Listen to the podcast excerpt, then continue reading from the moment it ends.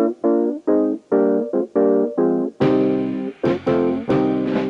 hører på Radio Novas samfunns- og aktualitetsmagasin Opplysningen. Hver fredag fra klokken 10 til 11 på Radio Nova. Opplysningen på Radio Nova.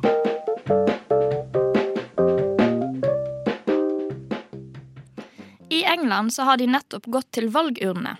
Det er nemlig lokalvalg, og tidligere resultater denne fredagen viser at Boris Johnson har lidd tap i regioner som tradisjonelt sett har vært veldig lojale mot hans parti, The Conservative Party. Men det er ikke det som er den store snakkisen. Det er nemlig om Nord-Irland og Storbritannia. Det kan ha en del å si for forholdet mellom de to. Og vi her i Opplysningen vi er så heldige at vi har en helt egen britisk politikknerd som har tatt et dypdykk i dette lokalvalget, og hva det kan si for Irland sin framtid. Når du hører denne saken, er resultatet klart. I skrivende stund torsdag ettermiddag strømmer rundt 1,8 millioner nordirer til valgurnene for å avgi sin stemme i valget til den nordirske forsamlinga, parlamentet deres. Og når du hører denne saken, veit du noe jeg ikke veit. Hva som blir utfallet av dette valget. Allikevel velger jeg å lage en sak på et valg som ikke enda er over. Dette virker veldig rart, og tro du meg, det føles veldig rart. Men jeg tror allikevel det er viktig å lage denne saken.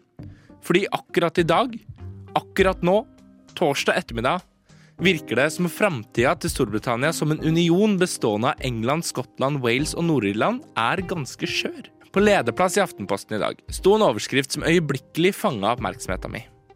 Og som allerede før jeg hadde lest et eneste ord av artikkelen, førte til utallige spekulasjoner. Elleve ord som lot fantasien springe fritt. Valget i Nord-Irland kan bli et steg mot et samla Irland. Du gjetta riktig. Vi skal snakke om muligheten for et samla Irland. En nordirsk exit fra unionen. Men jeg skal ikke spekulere aleine. For tilfeldighetene ville ha det til at min kollega Daniel Johansen akkurat i dag, akkurat den dagen jeg leste denne lederen, skulle møte noen som kunne hjelpe oss inn i konflikten. Okay, so I'm Pippa Carrera. I'm political editor of the Daily Mirror, which is one of the UK's biggest selling newspapers. It's a red top tabloid. Uh, it's to the left of the political centre, and we take great pride in holding the government to account. Og Pippa skal få forklare hvorfor vi nå snakker om et mulig forent Irland. Men før hun får slippe til, trenger vi litt bakgrunnsinfo. Og jeg advarer med en gang om at dette er en ekstrem forenkling av konflikten. En konflikt som i virkeligheten har røtter langt tilbake i irsk historie. Til omtrent i 1700-tallet. Konflikten i Nord-Irland foregår i dag primært i den politiske sfæren. Men sånn har det ikke alltid vært. I en periode fra 60-tallet og fram til 1998 var dette en konflikt som i stor grad utarta seg i form av vold, terrorangrep og borgerkrig. Du har kanskje hørt at konflikten i Nord-Irland er mellom katolikker og protestanter. Og sjøl om dette er sant, er konflikten i realiteten ikke religiøst basert, men ligger i skillet mellom unionister og republikanere. Eller de som vil at Nord-Irland skal forbli i unionen med England, Skottland og Wales, og de som vil at Nord-Irland skal forenes med Irland. Og her kommer vi til dagens konflikt, som på sett er en tredelt konflikt. Den første delen foregår på et nasjonalt nivå. Because what's happening in the UK at the moment is that the end of the parliamentary session has taken place, and we have what's called the Queen's Speech next week, where the government set out its legislative platform for the parliamentary session ahead. And there's a suggestion in there that there's going to be a bill that the government will present as protecting the Good Friday Agreement, the peace agreement that was signed in the late 1990s to bring an end to the, the civil war, frankly, that existed, that was taking place in Northern Ireland. And there are people who feel that the government is only revisiting this because it wants to have a Brexit battle again with the European Union, because that benefits them politically at home. Det Pippa her snakker om, og som det spekuleres i, er at Boris Johnson i det nye parlamentsåret vil overstyre avtalen med EU. Som handler om grensa mellom Nord-Irland og Irland. Da britene trådte ut av EU, ble det tegna ei tollinje mellom fastlands-Storbritannia, altså England, Skottland og Wales, og Nord-Irland. Dette betyr at Nord-Irland tollmessig forble en del av EU, og at det i realiteten ikke er en grense mellom EU-landet Irland og ikke-EU-provinsen Nord-Irland.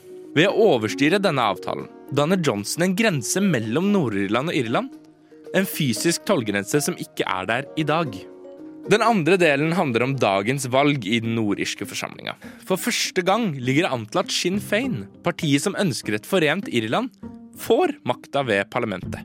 De blir da større enn unionistenes parti, DUP. Den siste delen den handler om demografien i Nord-Irland. There's also a demographic shift going on that inevitably you're going to see more Republicans pro reunification with the rest of Ireland over time than those who are against it because the population is changing. Dersom vi ser på disse tre delene sammen, så ser vi at det er en god grobunn for et sterkere Sinn Fein. Et Sinn Fein som kan styre Nord-Irland videre. Og dette er viktig, fordi det kan føre til at irene forlater Storbritannia. Blir Sinn Fein det største partiet, kan de kreve en folkeavstemning om å forlate Storbritannia. Og med en økende republikansk grasrot kan dette bli en folkeavstemning der siden som ønsker å forlate unionen, vinner. Fortsetter trenden med en økning av republikanske tendenser i Nord-Irland. Kan Sinn Fein få nok mandater ved neste valg, i 2025, og de kan dermed få makta de behøver for å fremme et forslag om folkeavstemning. Erik Mustad, som er Nord-Irland-ekspert, sier til Aftenposten at han tror det kan være snakk om et forent Irland innen ti år. Pippa tror ikke det ligger i en så nær framtid. And I don't think reunification is on the cards anytime soon. But it seems to me, if you're looking 50 years ahead, I think at some point it's going to be an inevitability. Medvirkende i denne saken det var Sander Lia og Daniel Johansen. Musikken den var hentet fra Blue Dot Session.